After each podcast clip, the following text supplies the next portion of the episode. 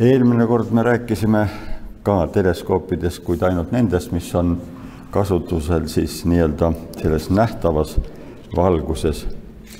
aga see, selle loengu pealkirjas on siis meil sõna nähtamatud, nähtamatud selles mõttes, et inimsilm seda ei näe. meil ei ole loodus selliseid vastuvõtjaid silma monteerinud no ilmselt ei ole vist tarvis olnud. aga ega siis inimene rahule ei jää sellega, mis talle antud on, vaid ta on iseendale need vajalikud vastuvõtjad välja mõelnud ja valmis ehitanud ka.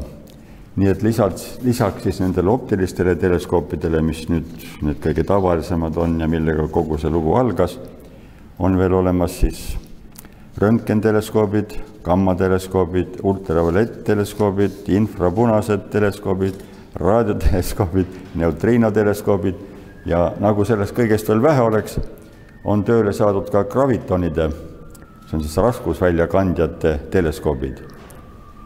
no see muidugi on veel eriti veider, sellepärast et raskusjõudu me tunnetame kogu aeg, ilma et meil neid gravitonteleskoope vaja oleks.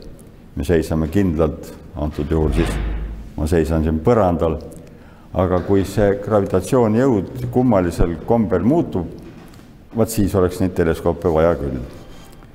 aga kõigepealt eh, vaatame siis. Eh, ma võtan selle siia, siiapoole. ei, ta ei taha tulla hästi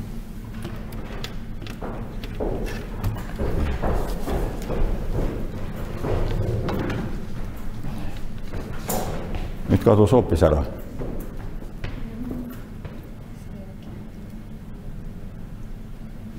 miks, miks ta ära kadus, ta on, ta ei olnudki tegelikult ju siin. Nonii.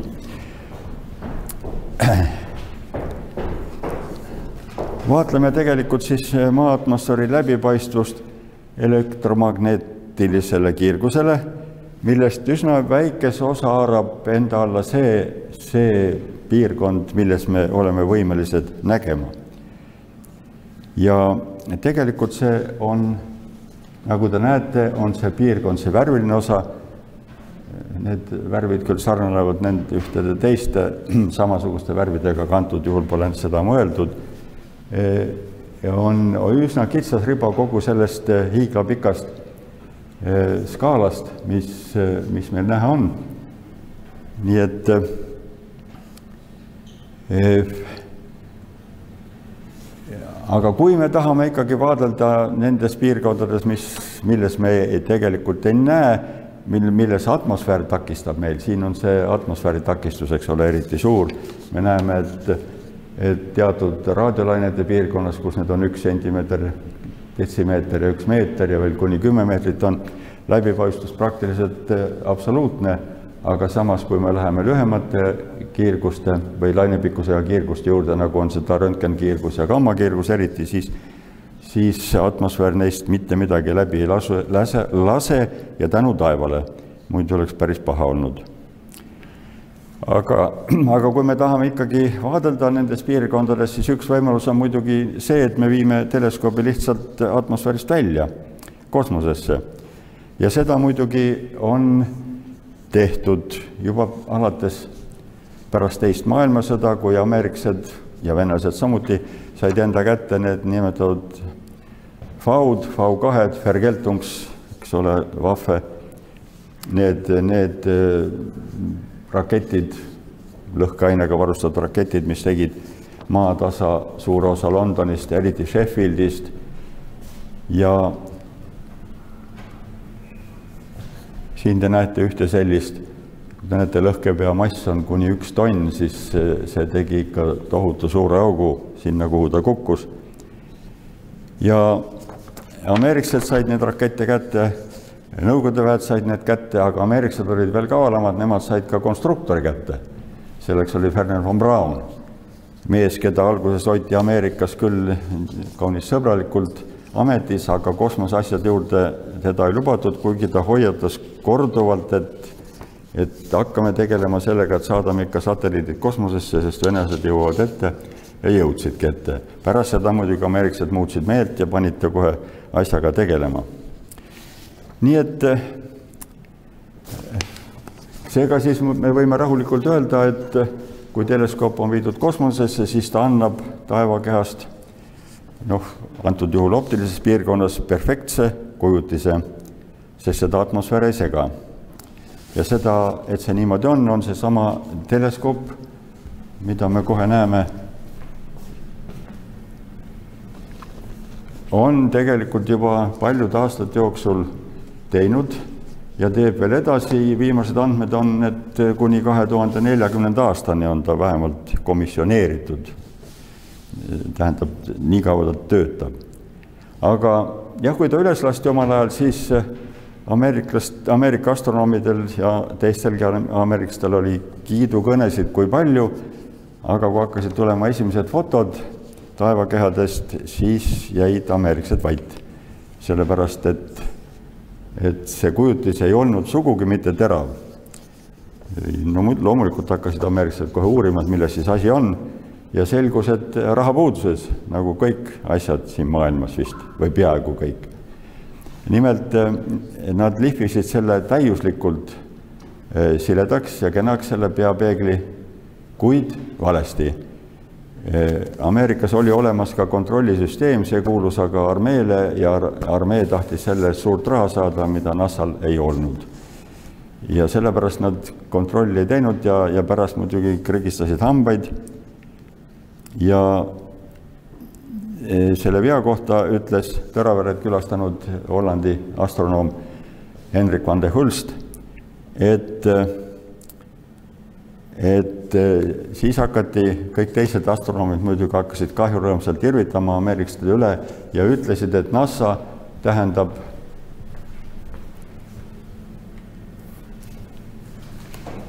tähendab seda, not aware of spherical aberration, tähendab, ei ole teadlikud sfäärilisest aberratsioonist. muidu on ta tegelikult, eks ole, see ülemine rida, ametlik tähendus aga ega siis ameeriklased ka papist poisid ei ole, nad eh, tegid sellele teleskoobile prillid, nagu nüüd nimetatakse. see oli niisugune optiline seadeldis, kaunis keeruline. Eh, ja siis need süstikud viisid üles ja Ameerika astronaudid paigutasid ta kohale ja pärast seda olid pildid laitmatud muidugi kaotati teatud määral valgusjõus, sellepärast et see sinane Kostaar oli selle, nende prillide nimi, seal oli tohutult palju peegeldavaid pindu ja iga peegeldav pind kaotab teatud määral seda valgusjõust. aga, aga noh, seda oli siiski vähe. ja jällegi maailma astronoomid aplodeerisid oma kolleegidele Ameerikas. nii mis saab siis pärast seda, kui lõpp, lõpuks jõuab kätte see kaks tuhat nelikümmend, on võimalik, et ka varem, et siis eh, mis sellest Hubble teleskoobist saab? see muidugi ilmselt lastakse pidulikult ära põleda atmosfääris. keegi teda alla tooma ei hakka, sest see on liiga kallis. aga nüüd räägitakse väga palju James Webbi nimelisest teleskoobist. James Webb oli nimelt NASA teine peadirektor. Tema oli äärmiselt oluline mees siis, kui Ameerikal oli Apollo programm, meeste saatmine Kuule ja tagasitoomine ka muidugi. ja selle eh, James Webbi teleskoobi eh, peapeegli läbimõõt oleks kuus ja pool meetrit. ta ei oleks muidugi selline ühest tükist koosnev, vaid selline segmentidest tehtud ja see hakkas tööl, hakkaks tööle kosmoses samuti, nagu praegu on siis see Hubble'i oma. Ja ta hakkaks vastu võtma kiirgust vahemikus null koma kuus kuni kakskümmend kaheksa mikromeetrit ja see nende vaatluste eesmärgiks saab olema see praegugi populaarne teema, eks ole, nende eksoplaneetide otsimine ja nende lähem uurimine.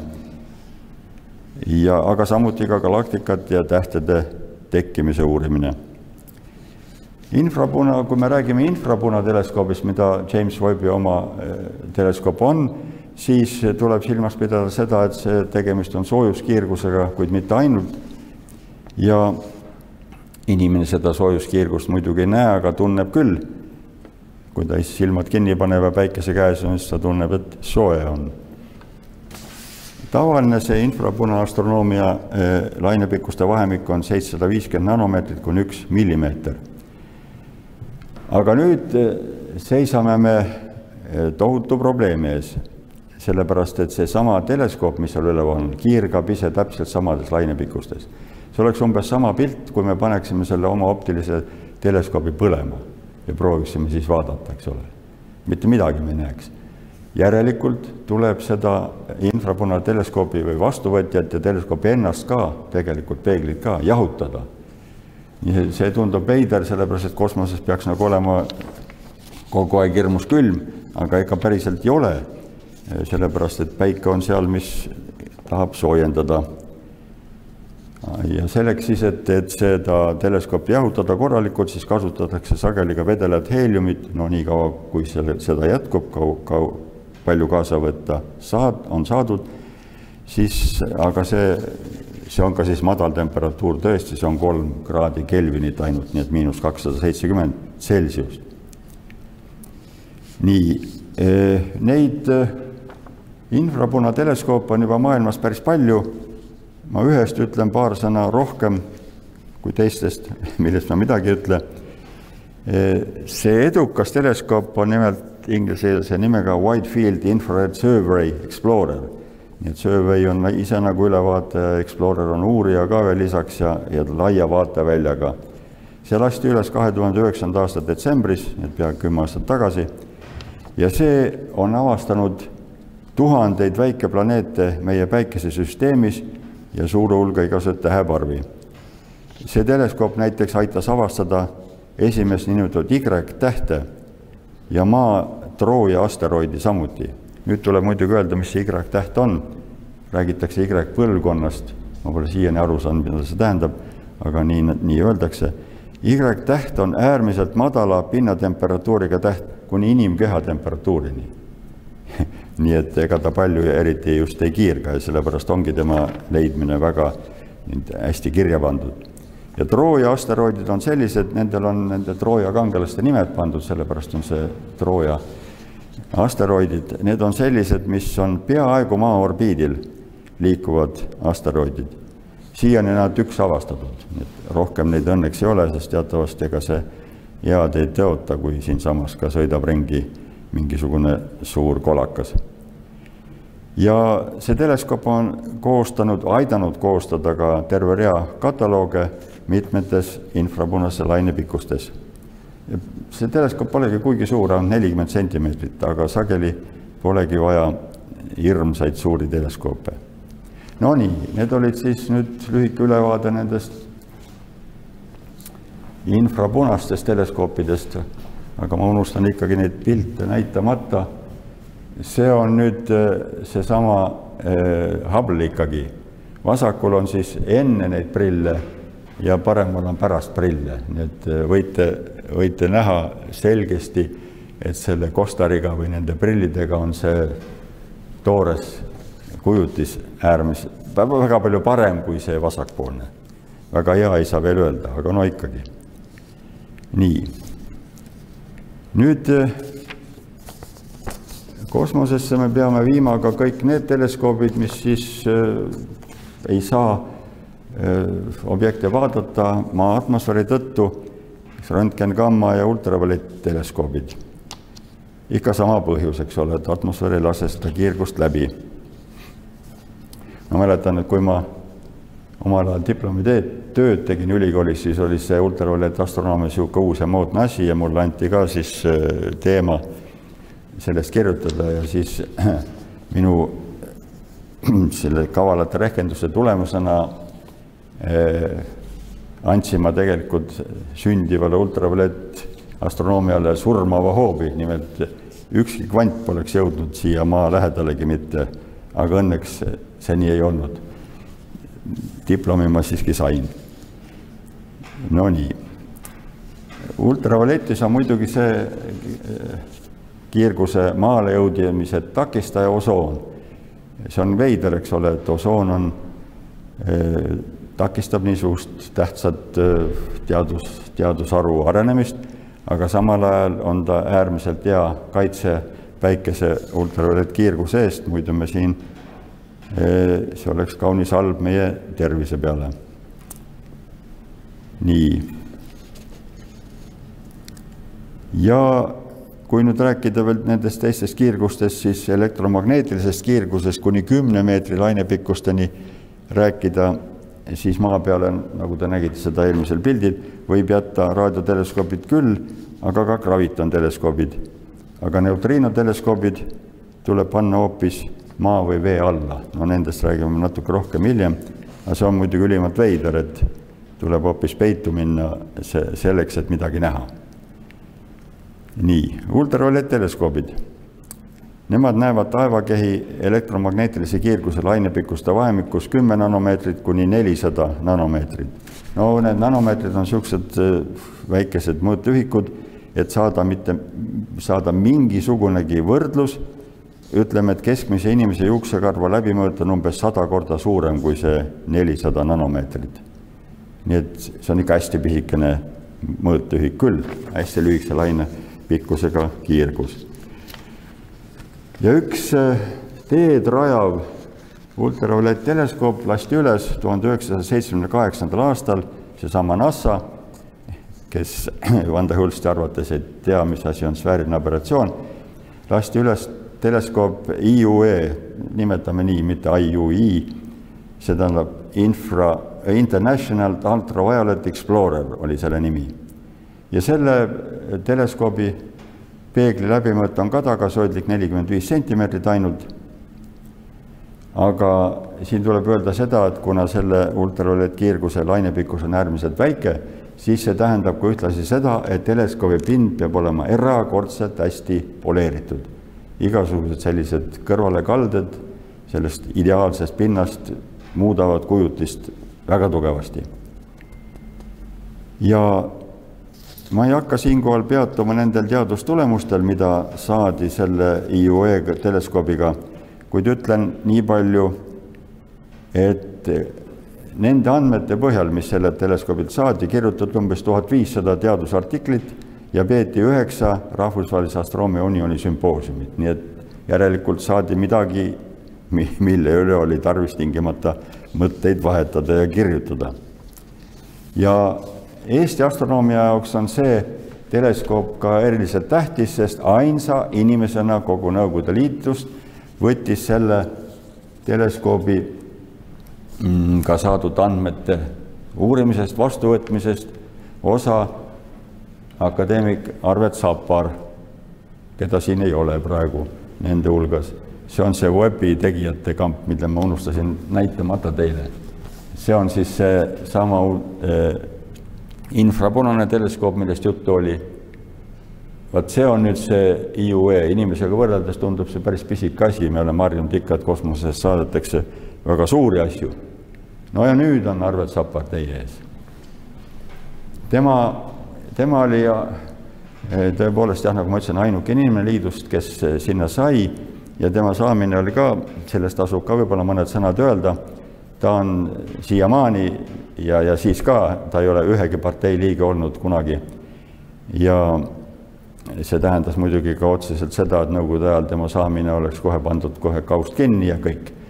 aga meil oli direktoriks Väino Unt, kes äh, kasutas äh, kangina ühte üritust, mis toimus meie äh, kuidas öelda, korraldamisel, see oli Nõukogude Liidu ja Prantsusmaa kosmose mm, uurimise sümpoosium, mis toimus Tallinnas, aga kuna Prantsusmaa ei tunnistanud seda, et, et Eesti on Nõukogude Liidu osa, siis edaspidi paberites oli igal pool kirjas, et see konverents toimus Moskvas. no Ladna, tont temaga, eks ole, ükskõik kus ta oli, aga meie tegime ta ära ja siis Väino Ont ütles ja vaat nüüd meie tegime selle ja teie poolt on nüüd see, et Arvet läheb Ameerikasse vaatlema. Ega ta muidugi seal üleval ei olnud päris, ta ikkagi istus seal selles, selles mis, kosmosekeskuses ja võttis andmeid vastu ja tuli kaasa tohutu hulga nende, vot need vanasti, mis need olid, need eh, magnetlindid, eks ole. see oli ikka tohutu kuhi, neid oli vist kuuskümmend tükki või mis talle kaasa anti ja nii et, nii et meie tähtsus Nõukogude Liidus tõusis kõvasti. Praeguseks võib üles lugeda umbes kakskümmend seitse ultravioletteleskoopi, mis on taevakehi vaadelnud ja ultraviolettpiirkonnas siis kohe tekib küsimus, et hea küll, ma olen siin juba tükk, mitu korda öelnud, et meie inimsilm seda kiirgust ei näe, aga kuidas siiski me lõpuks näeme, kuidas me tulemusi saame? selleks kasutatakse kõige tavalisemat seda CCD tehnikat, igalühel on taskus telefon või fotoaparaat, mis on samuti, eks ole, töötab CCD tehnika peal, ainult et need, mis astronoomid kasutavad, on palju täpsemad ja ka palju kallimad, ma pean ütlema. nii, nii et kuid see teleskoobi peegli kater-, materjal on muidugi teistsugune, sellepärast et kui see on mingisugune niisugune lihtsam materjal nagu, nagu näiteks alumiinium või hõbe äärmisel juhul, siis need ultraviolettkvandid lähevad sellest läbi ja ei taha peegelduda.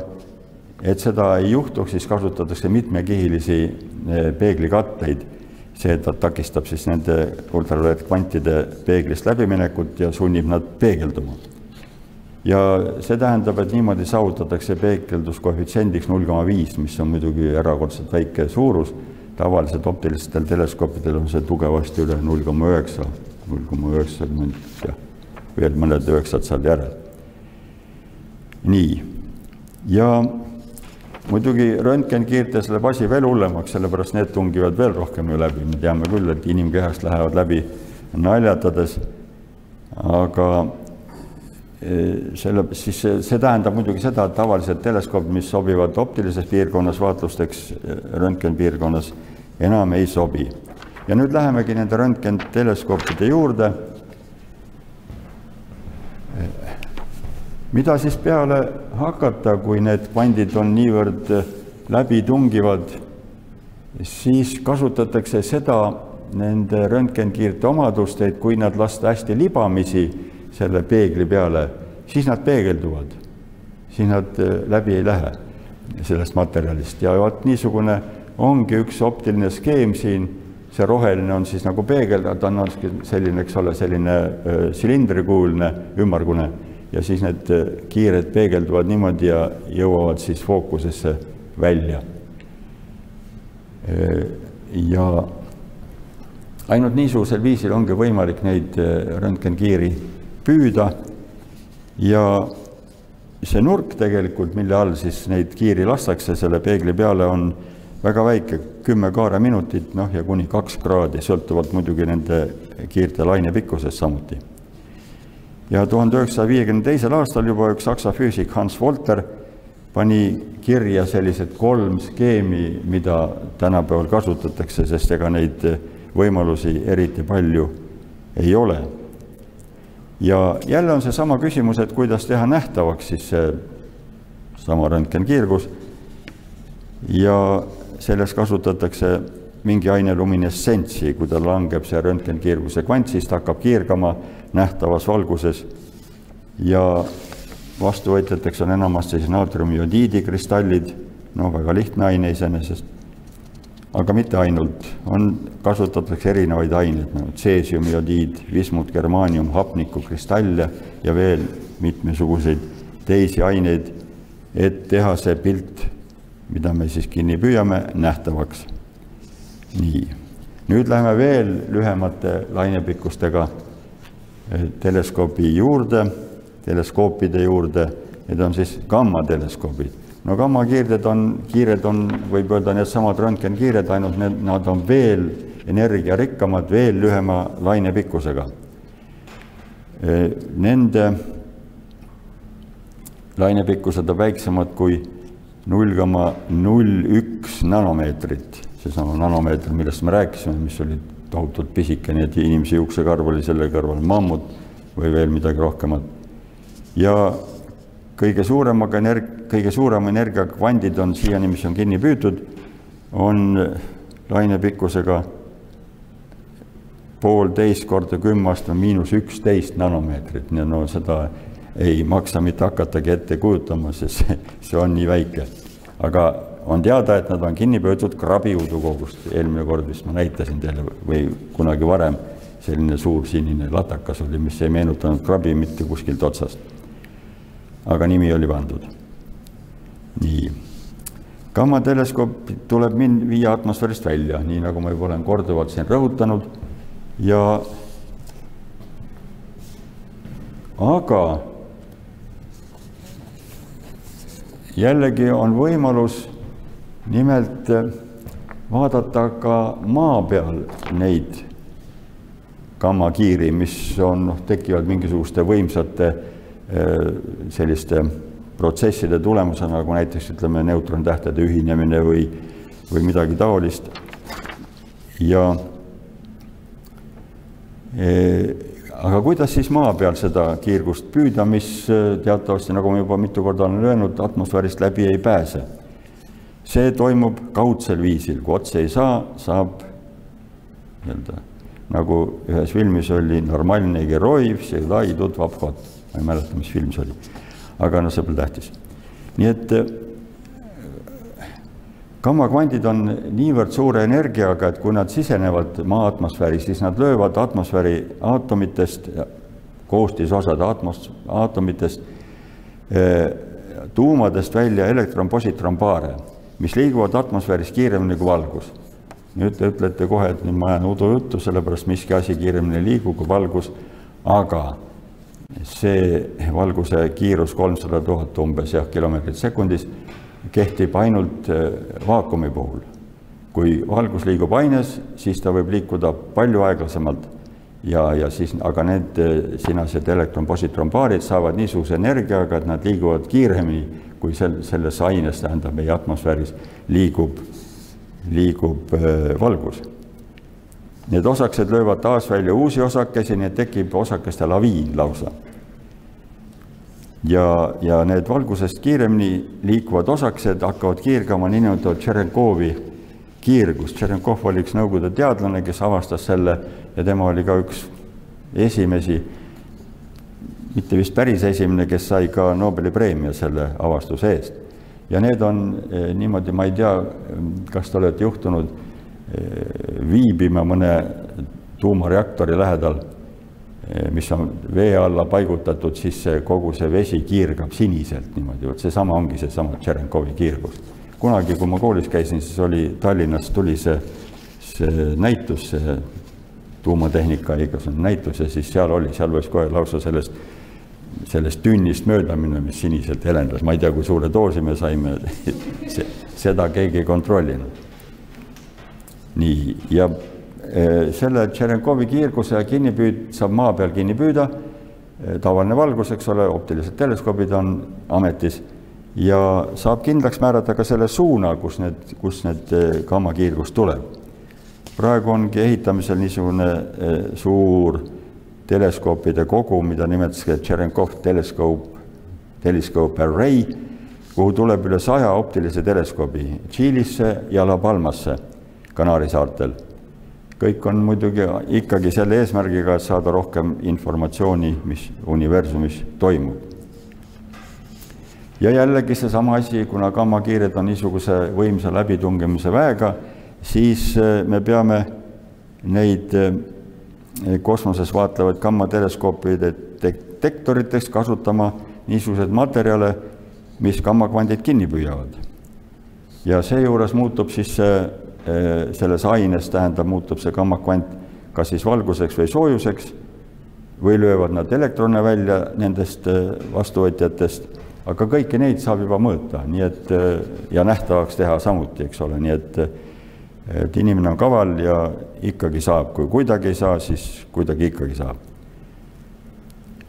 ja no muidugi, nagu ma juba ütlesin, siis et lühemate lainepikkustega, see tähendab ka suurema energiaga kvante, saab kiirata vaid selline taevakeha, kus niisugused võimsad protsessid toimuvad. noh, ühe ma juba ütlesin, neutrontähtede põrked, aga ka mustade aukude ümber olevad akretsiooniketad, akretsioon tähendab, sinna langeb see aine ja, ja ega see laine otsekohe, see aine otsekohe siis sinna musta auku ei lähe, osaliselt ka, aga enamasti, kui see aine liigub seal, siis ta liigub nagu mingisuguse nurga all, ta otse selle, sinna sellesse musta auku ei lähe ja ta hakkab ringlema ümber, ümber selle musta augu, nii et äh, kuna must auk on gravitatsiooni, ta ilmutab, kiirgust välja ei lase, nagu me juba teame. nii et äh, selles kettas, akretsioonikettas toimub, toimuvad siis sellised protsessid, gravitatsioon põhiliselt ja nii, et gaas hakkab kiirgama röntgen- ja gammakiirgust. no nii, nüüd äh, jätame nüüd need lühilainelised tegelased maha ja läheme pikalaineliste püüdjad, pikalainelise kiirguse püüdjate juurde, need on raadioteleskoobid. esimese raadioteleskoobi konstrueeris eh, juba tuhande üheksasaja kolmekümnendal vist aastal Ameerika Ühendriikides Belli telefonilabori insener Karl Janski temale anti ülesandeks äh, teha kindlaks, et kust tulevad äh, raadiosagedustesse igasugused mürad sisse, noh, tehnoloogilised ja, ja tont teab kust veel. ja ta ehitas antenni, mille paigutas siis pöörlevale alusele. ma ei mäleta, see on nüüd siis see üks, üks nendest observatooriumidest peab gammakiiri püüdma, siin midagi palju rääkida pole, päiksepatareid kahel pool ja nagu tavaliselt see pilt on ja see on nüüd see üks teleskoop nendest, mida eh, on see CTA süsteemis sees, see on küll Catanias, Itaalias paikneb praegu. nii, vot see on siis see Karl Janski karussell, nagu teda nimetati, see käis, oli, käis ringi ka ja püüdis siis igasuguseid mürasid. ja mitu kuud ta mässas selle oma teleskoobiga ja püüdis neid igasuguseid müraallikate tehtud kiirgust ja siis ta jagas need vastu võetud signaalid kolme rühma. esiteks siis lähedased äikesetormid, sest iga äikesetormi all see energia, mis vabaneb, on päris võimas ja raadiolainet tuleb sealt kõvasti. võib-olla ise olete kuulnud, kui raadiot kuulate, siis hakkab ragisema. ja e, teine rühm oli kauged äikesetormid ja kolmas rühm oli mingid tundmatud sisinad vot see sisin oligi nii, mis kordus iga kahekümne kolme tunni ja viiekümne kuue minuti tagant. aga see on täpselt täheaja ööpäev, nimelt eh, eks ole, kui me vaatame seda maa liikumist ümber päikese, siis aastaga teeb ta tiiru ümber ja, ja maakera pöörleb, eks ole, ööpäevaga teeb kahekümne nelja tunniga teeb täistiiru, aga kui tähtede järgi vaadata, siis selle kahekümne nelja tunni jooksul on maakera natuke oma orbiidil liikunud mistõttu see suund sellele tähele, mida me, mida me võtsime nagu selleks aluseks, on ka natukene muutunud, neli minutit nimelt. ja järelikult Janski taipas kohe, et siin on tegu maavälise allikaga, see sisin peab tulema kaugemalt kui päikesesüsteem. ja kolmekümne esimesel aastal juba tegi Janski kindlaks, et signaal tuleb galaktika tsentri lähedalt Amburi tähtkujust. üks teine raadioamatöör Ameerika Ühendriikides, kellel oli üheksameetrise diameetriga niisugune kausikuuline antenn, see kinnitas Janski tulemuse, ütles jah, Janskil on õigus. ja muidugi erilise hoo sisse sai nende raadioteleskoopide ehitamine pärast teist maailmasõda, sest teatavasti Inglismaal, Inglismaa oli nagu pioneer sellel alal, sellepärast teada oli ju, et Hitler kavatses Inglismaa okupeerida. tal oli isegi see operatsiooni nimi valmis mõeldud, Unternehmen Seelööve või merelõvi. ja nagu me teame, õnneks see tal ei õnnestunud. aga Inglismaa pidi ikkagi ennast väga kaits-, väga palju kaitsma, sest alguses olid need äh, lennuväe, Hitleri lennuväe rünnakud väga julmad. ja siis äh, nad olidki arendanud, inglased nimelt radarite tehnoloogia kõrgele tasemele. ja kui seda nüüd arvesse võtta, siis pole üldse eh, mingi imeasi see, et juba tuhande üheksasaja viiekümne seitsmendal aastal, kaksteist aastat pärast sõda, valmis Manchesteri lähedal Jodrell Bankis seitsekümne kuue meetrise diameetriga niisugune kaussantenn, mida ma loodan teile nüüd kohe näidata selline näeb ta välja. mina olen seisnud sellest umbes viiekümne meetri kaugusel, lähemale ei lastud. äkki rikuvad ära. ja mis mind pani imestama, oli selle, selle antenni õhulisus. tähendab, siit ta paistab praegu niisugune massiivne tükk, aga kui selle lähedal oled, siis on tõeliselt ilus pilt see, niivõrd, kuivõrd tehnoloogia üldse võib ilus olla. ja hiljem anti sellele teleskoobile Sir Bernard Lovelli nimi, kuna tema oli see konstrueerija ja väga tugev eestvõitleja, et raadioteleskoop valmis saaks. ja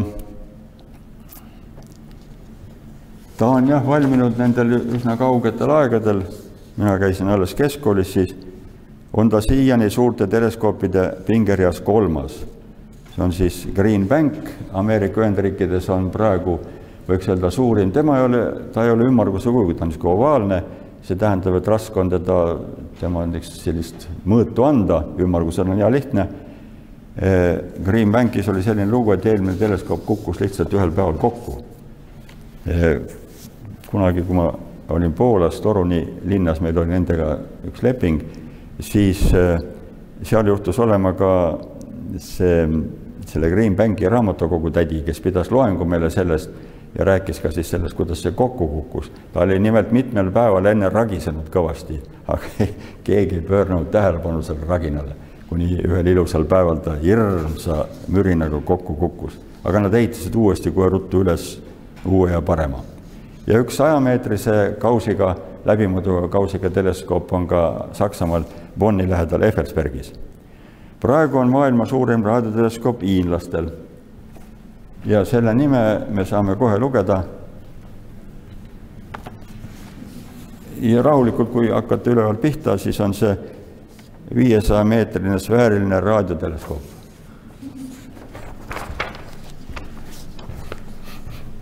mina ei tea, kuidas nad ise loevad, aga, aga hakkama nad saavad selle, selle antenn on tegelikult äh, selline terasvõrk, mis paikneb vaiade peal ühe sellise noh, mingisuguse kraatri sees. kraatri läbimõõt on siis pool kilomeetrit ja, ja see, seda suunata muidugi ei saa, eks ole. ainult nii palju, kui maakera liigub ja pöörleb, siis taevast võtab ta sellise riba enda alla. rohkem, rohkem ta ei näita. muide samasuguse antenniga raadioteleskoop, samuti ka sellises kraatris, on eh, Puerto Ricos ka siiamaani, kuid selle diameeter on ainult kolmsada meetrit. sellega on väga palju avastusi tehtud ja praegugi kasutatakse seda nende maaväliste tsivilisatsioonide signaalide püüdmiseks, eh, ma ei tea, mitukümmend aastat on juba püütud, mitte midagi kätte ei ole saadud, aga püüavad edasi. igaüks võib muide hakata püüdma, kui ta läheb selle Seeti, ma ei mäleta, kuidas selle, selle lingi nimi oli, aga võib oma arvuti panna tööle ka nii, et äh, mingil hetkel võite osutuda maavälise tsivilisatsiooni avastajaks. nii, meile lähim suurem raadioteleskoop on Lätis, Kuramaal Irbes. seal olid nimelt kaks Nõukogude Liidu ma ei tea, mis armee osa see oli, kes olid nad ehitanud, üks oli kolmekümne kahe meetrise kausiga ja teine on kuueteist meetrise kausiga. ja, ja nad läksid nii kiiresti ära, et nad jõudsid lõhkuda väga vähe. kaks inseneri jäid sinna tööle, kes olid enne olnud seal siis ka nõukogude ajal töötanud ja nemad aitasid korda seada, nii et praegu see kolmekümne kahe meetrine teleskoop on täiesti töökorras ja temaga tehakse väga head tööd. ta oli enne, tegelikult Nõukogude ajal oli ta siis selle NATO raadiosignaalide püüdmiseks ette nähtud ja sealt ümbruskonnast eh, aeti inimesed kõik minema. Eh, äkki näevad ka neid signaale viimaks. ja no ma olen selle Irve teleskoobi sees käinud, selle kausi sees ja ronisime sinna ka üles redelid mööda vastuvõtja oli kaunis sombune ilm, eh, novembrikuus vist oli, aga, aga Sõrve majakas paistis sealt ilusasti. et üsna kõrgel ja kui juba nüüd kiitlemiseks läks, siis, siis ma olen käinud ka veel vot selle teleskoobi ei, see pole teleskoop, aga kus see, kus ta sai? imelik. ära kadus. ma tahtsin teile näidata Austraalia Parksi teleskoopi, mis on, mis oli, mis ta siis oli, kuuekümne meetrine või mul läks juba meelest ära see. ja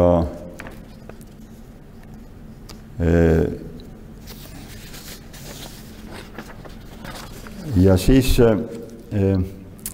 seal oli jah, see oli see üks nendest teleskoopidest, raadioteleskoopidest, mis püüdis Apollo kolmeteistkümne signaale. mäletate küll neid mehi, kes jäid hätta seal, kuna plahvatas, eks ole, see hapnikupaak ja ja Tom Hanks oli seal kõva tegija, nagu te teate. ja siis, ja siis tehti niimoodi, et selle Parksi ümbruses viiekümne kilomeetri raadiuses ei lubatud sõita ühelgi autol, sellepärast need autodel signaalid, eks ole, ikkagi tekivad seal süütes sellised, mis võivad anda, anda mingisuguse vale signaali. ja, ja siis kuuldi neid mehi see oli väga oluline, et nende meeste signaalid kätte saada ja juhendada ja õpetada neid, mida nad tegema peavad, kui nad tahavad ellu jääda. ja nad jäid ellu. nii et hästi-hästi tublid mehed olid tõesti, ei oska ette kujutada, see on päris jube võib-olla. nii ja siis nüüd on vist paras aeg rääkida üks naljakas lugu. mind õpetati, et aeg-ajalt tuleb öelda, rääkida midagi sellist, mis kuulajad üles äratab. ma küll ei näe, et eriti magaksite, aga, aga ikkagi seesama käibki, lugu käibki sellesama Parksi teleskoobi kohta. see oli tuhande üheksasaja üheksakümne kaheksandal aastal, kui teleskoop hakkas registreerima mingisuguseid kummalisi kiireid impulsse ja meestel juba lõid silmad särama, nüüd on väikesed rohelised mehikesed lõpuks ometi käes. ja nendele pandi, signaalidele pandi isegi spetsiaalne nimi, peritonid.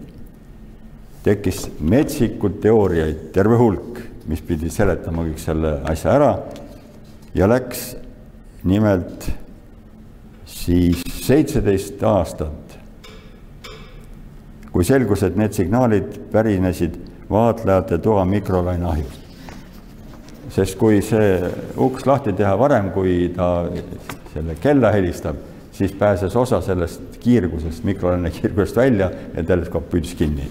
ja oligi mustad, mitte mustad, vaid rohelised mehed peaaegu käes. Ja, ja nende raadioteleskoopide eh, vaatlustulemuste täpsustamiseks ja, ja paremate signaalide saamiseks kasutatakse interferentsi, tähendab mitme teleskoobi koostööd üle terve maakera lausa, tahetakse isegi kosmosesse viia.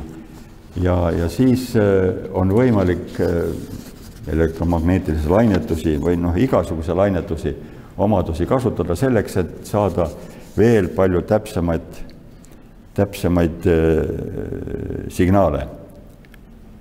nüüd siis neutriinoteleskoobid. neutriinod on sellised pisikesed, nagu nimigi ütleb, eks ole osakesed, mis läbivad meid ja kõiki teisi asju siin seal universumis kümnete miljardite kaupa läbi iga ruutsentimeetri igas sekundis. mina ei tunne neid ja ma ei usu, et teiegi tunnete.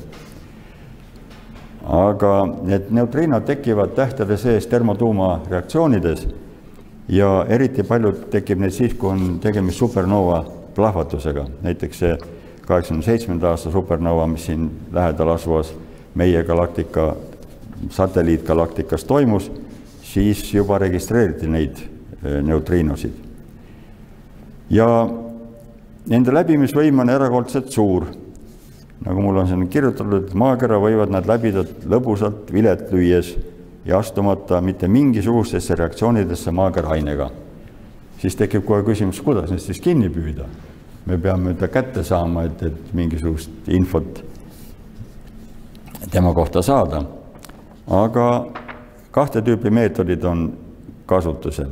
esiteks loodetakse, et mingis väga suures ainekoguses kus neutriino võib ära anda kogu oma energia näiteks elektronile, mis hakkab liikuma suurema kiirusega kui valgus selles keskkonnas ja elektron hakkab kiirgama sedasama Tšerenkovi kiirgust, seda saab registreerida juba. nii et ongi nüüd hiiglasuured tünnid, maa all on täis igasugust ainet, üks aine oli tetrakloorsüsinik, seesama, mille, mida kasutatakse kuivaks riiete pesemiseks. ja siis loodeti, et see mõni neutriino tabab seal, kui pikka aega vaadelda, tabab seda klooriaatomit, lööb sellest mõned neutronid või mis proot- või posit-, prootonid välja ja tekib argooni aatom. argoon on gaas ja seda saab kinni püüda ja mõõta jälle. nii et õudselt keeruline värk, aga eh, seda on tehtud ja teine meetod on ikka ka see ootamise meetod, et äkki mõni neutriino põrkub mingi elemendi aatomi tuumaga, mis selle tulemusel muutub gaasilise elemendi aatomi tuumaks, nagu ma rääkisin, ja seda saab koguda ja mõõta, eks ole. neutriinosid tekib ka nendes samades kosmiliste kiirte Eh, laviinides, millest ma rääkisin, et tulevad need väga suure energiaga osakesed või kvandid ja, ja ka samuti tekivad nad maapealsetes tuumareaktorites.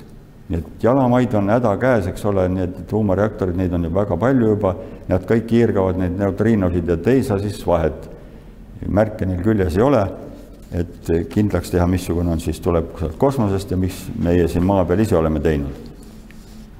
ja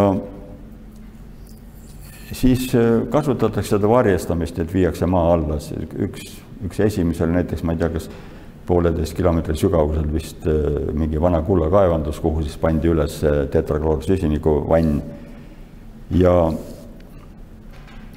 esimest korda juba registreeriti reaktoris tekkinud neutriinosed tuhat üheksasada viiskümmend kuus. see oli Clyde Cowan ja Frederick Rines. Frederick Rines oli üldse üks kange mees selle neutriinode avastamise alal tänapäeval on mitmeid töötavaid neutriinoteleskoope, küll sügavates tunnelites maa all ja mitme kilomeetri sügavusel meres ka. tulevane Euroopa teadusprojekt on nimega kuupkilomeetriline neutriinoteleskoop Vahemere põhjas. See asub kolmes kohas mere all ja töötab Tšerenkovi kiirguse mõõtmisel, see on sama esimene meetod, millest ma rääkisin. ja kokku on seda registreerivat veemassi viis kuupkilomeetrit no peab olema, eks ole, suur, kuna ta läheb kõigest läbi ja ei tee teist nägugi. ja sellised tuhanded nende optiliste signaalide sensorite jadad ripuvad niimoodi sügaval, eks ole, seal mitu kilomeetrit lausa. Ja neid on nii tihedasti seal, ma ei tea, kus kohas see täpselt on, paikneb või, või saab paiknema, aga niimoodi saadakse siis teada ka selle eh, liikumise suund, eks ole, et kui, kui ta läheb ja tabab mitut neid vastuvõtjad, siis on, saame me määrata ka suuna, kust ta tuleb. ja nüüd siis lõpuks gravitatsioonilainete teleskoobid. Neid laineid ju ennustas, eks ole, juba Einstein tuhande üheksasaja viieteistkümnendal aastal ja, ja nende lainete avastamisega on jube kaua madi, madistatud ja alles neljateistkümnendal septembril kaks tuhat viisteist tehti need lained kindlaks otsese vaatlusega. no tõendeid oli varem ka saadud, et nad peavad olema, aga registreeritud ei oldud. Ja hiljem on neid avastamisi juba hulganisti olnud, sellepärast et on ehitatud vastavad, vastavad riistad. vaat seesama ongi see, seesama neutriinoteleskoop, mis meres on ja mis ripub, kus need ripuvad, need vastuvõtjad seal väga tihedasti. nii. ja vaat sellel samal septembrikuu päeval siis neli aastat tagasi ja natuke rohkem kinni püütud gravitatsioonilained pärinesid kahe musta augu kokkusulamisest ühe koma kolme miljardi valgusaasta kaugusel. ja teada on ka nende mustade aukude massid, vastavalt kolmkümmend kuus ja kakskümmend üheksa päikesemassi. no nüüd tuleb kindlasti tunnistada, et astronoomid on ikka ühed kavalad tegelased küll avastamisega sai hakkama üks selline teleskoop, mille nimi on LIGO. Seda ei maksa nende Läti jaanipäevaga segamini ajada.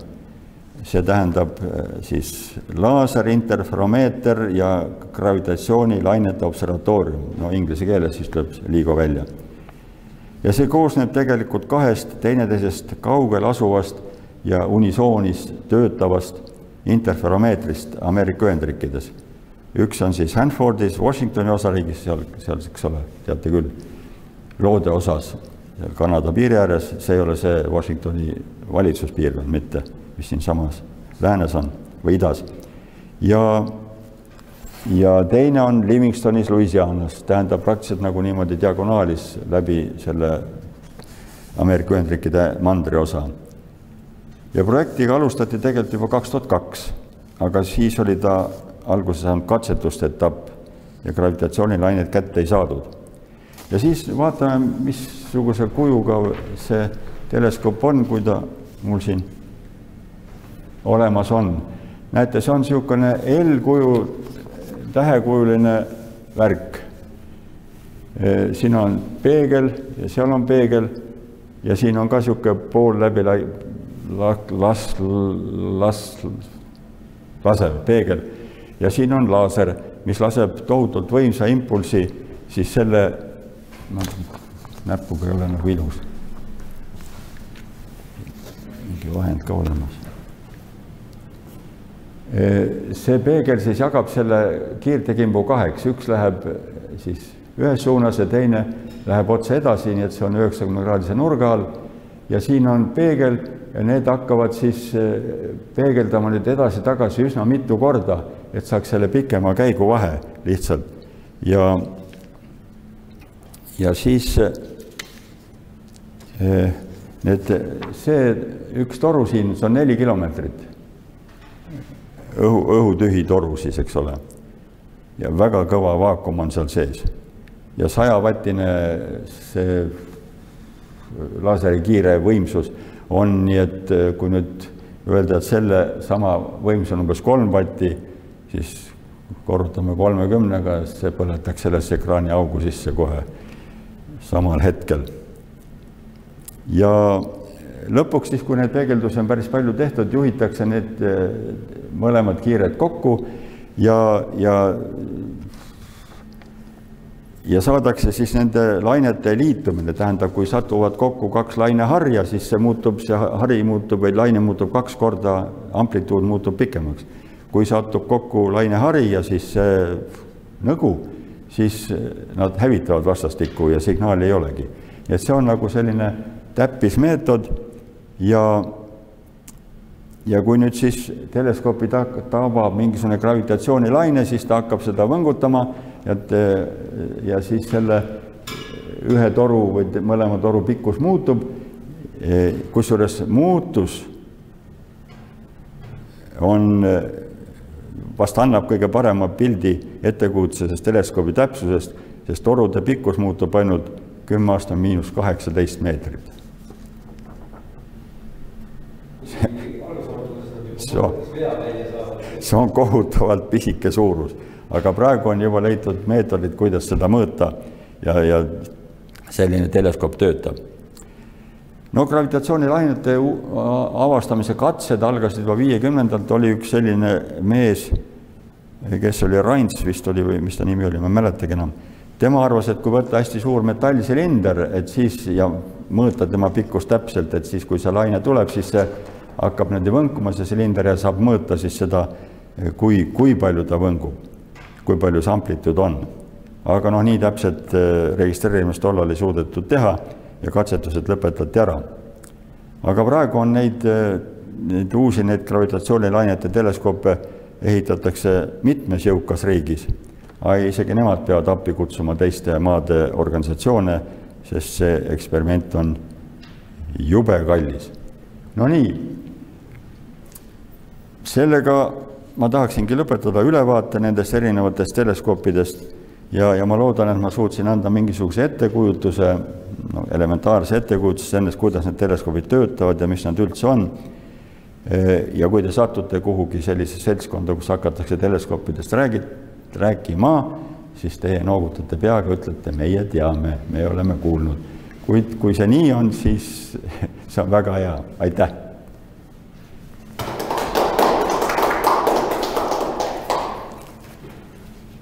nii, ja nüüd äkki on küsimusi? ma küsin kohe ise sellist asja, et kas, kas selline väide nagu enam-vähem õige, et kui meil on nagu võrreldava teomeetriga seade, nagu ütleme siis kas optilise või nähtava valguse piirkonna kui röntgen, siis võiks väita sellist, et mida lühem on lainepikkus, seda detailsema pildi saab selle objektiivi suuruse kaudu tuletada. jah, põhimõttel. teleskoop peab olema hästi suur, röntgen teleskoop jah, põhimõtteliselt on teil muidugi õigus. mõttekäik on õige, kuid siin on üks kuid, nagu ikka.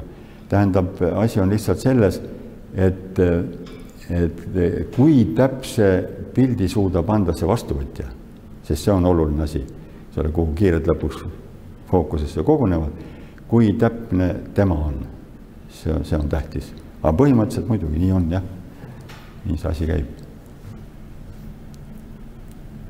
kas seesama teleskoop tuvastas ainult selle, et see lainetus oli või see tuvastas ka siis selle, kus, kus kohas need mustad augud äh, liikusid või see oli mingi muu? jah, see oli, ei, see on, see on ikkagi sellesama, kuidagimoodi nad seda, mina ei tea seda ausalt öeldes, kuidasmoodi nad selle lõpuks kindlaks määravad, aga nagu ma ütlesin, eks ole, et need, see esimene signaal oli kohe, kaugus oli teada ja kohe oli ka nende massid teada, nii et ilmselt on see võimalik, aga see on juba see rehkenduste abil, seda otseselt muidugi mitte miski asi ei ütle.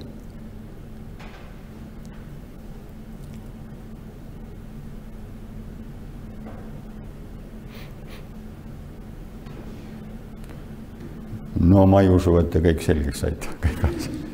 mul pole endalgi selge kõik.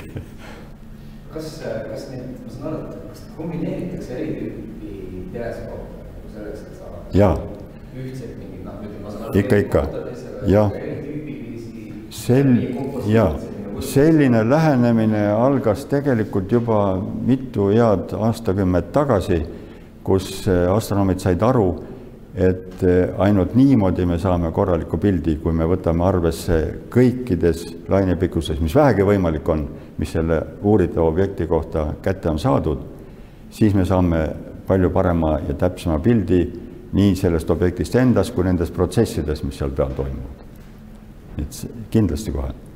see on, see on väga oluline, et vanasti oli nii, et uuriti mingit kitsast ala ja eks ole, nagu see teada need pimedad hindud, kes elevanti katsusid, eks ole, umbes sama, sama asi.